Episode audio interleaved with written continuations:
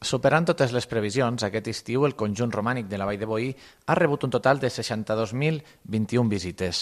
El mes d'agost ha estat quan ha acollit més visitants, amb 39.000, i l'església més concorreguda ha estat Sant Climent de Taüll, amb un total de 23.000 visites al llarg de l'estiu.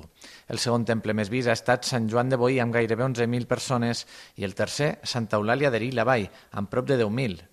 Tot i les restriccions per la Covid i la reserva prèvia, també s'han fet visites a Santa Maria de Taüll, Sant Feliu de Barruera, la Nativitat de Durró i el Centre del Romànic.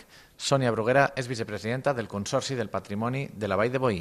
Hem superat totes les previsions i amb tots els aforaments limitats que hi havia, la veritat que molt contents, satisfets d'aquesta acollida que ha tingut. Hem superat inclús el, les xifres de visites de, de 2019 i de 2018, per suposat, o sigui antes de la pandèmia. Aquestes xifres consoliden el creixement del nombre de visites al conjunt romànic de la Vall de Boí des que va ser catalogat com a Patrimoni de la Humanitat ja fa 21 anys.